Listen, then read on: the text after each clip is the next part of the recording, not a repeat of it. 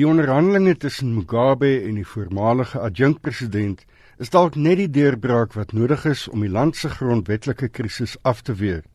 Chiwenga sê die weermag wat verlede week beheer in die land oorgeneem het, is bly dat 'n kommunikasiekanaal tussen die twee leiers oopgemaak is. The Zimbabwe Defence and Security Services are encouraged by new developments which include contact between the President and the former Vice President, Comrade Emerson Dambuzo Mnangagwa, who is expected in the country shortly.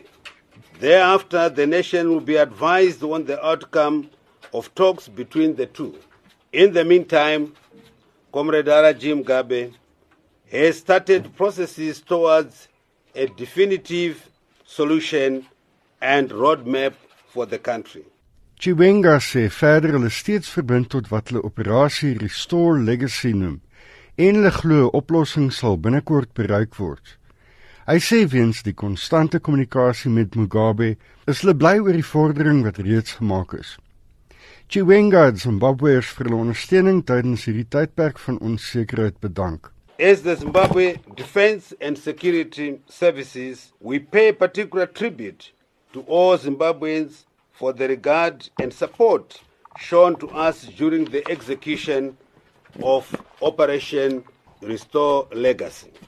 We remain a people's force and security services, which is why uppermost on our mind is the conclusion of this war operation with the minimum inconvenience and certainly without any collateral loss of life, injury, or destruction of property.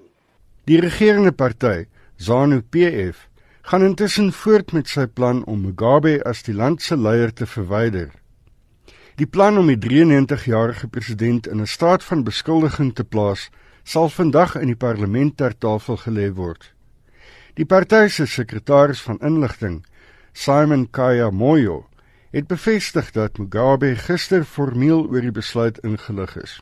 As for that, the party has instructed the chief whip to proceed with impeachment processes against Comrade Araji Mugabe as it has not received the anticipated confirmation of his resignation from the Speaker of Parliament.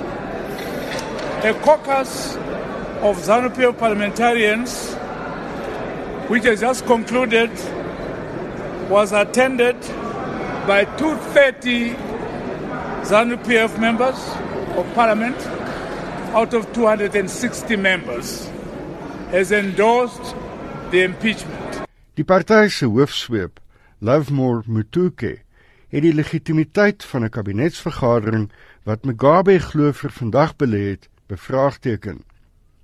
Hy sê die spesiale sentrale komitee het besluit dat enige minister wat met Mugabe vergader afgedank sal word. No no minister is is, is allowed to have a meeting with Mugabe. Because according to us Mugabe is already uh, fired by the party. You cannot hold any meeting and uh, no minister is going. For your own information, there are ministers who were appointed just last month by President Mugabe. Most of them were voting for, for his dismissal. So there's no issue like any cabinet taking place uh, until we have a new government. Daar word verwag dat daar vandag betogings buite die parlementsgebou sal wees ter ondersteuning van die parlement se voorneme om Mugabe in 'n staat van beskuldiging te plaas. Die weermag is steeds in die strate van Harare ontplooi. Chiwenga het inwoners gemaan om gedissiplineerd te wees tydens die betoging. Hierdie bydra van Noma Bulani in Harare en ek is Hendrik Martin vir SAK nuus.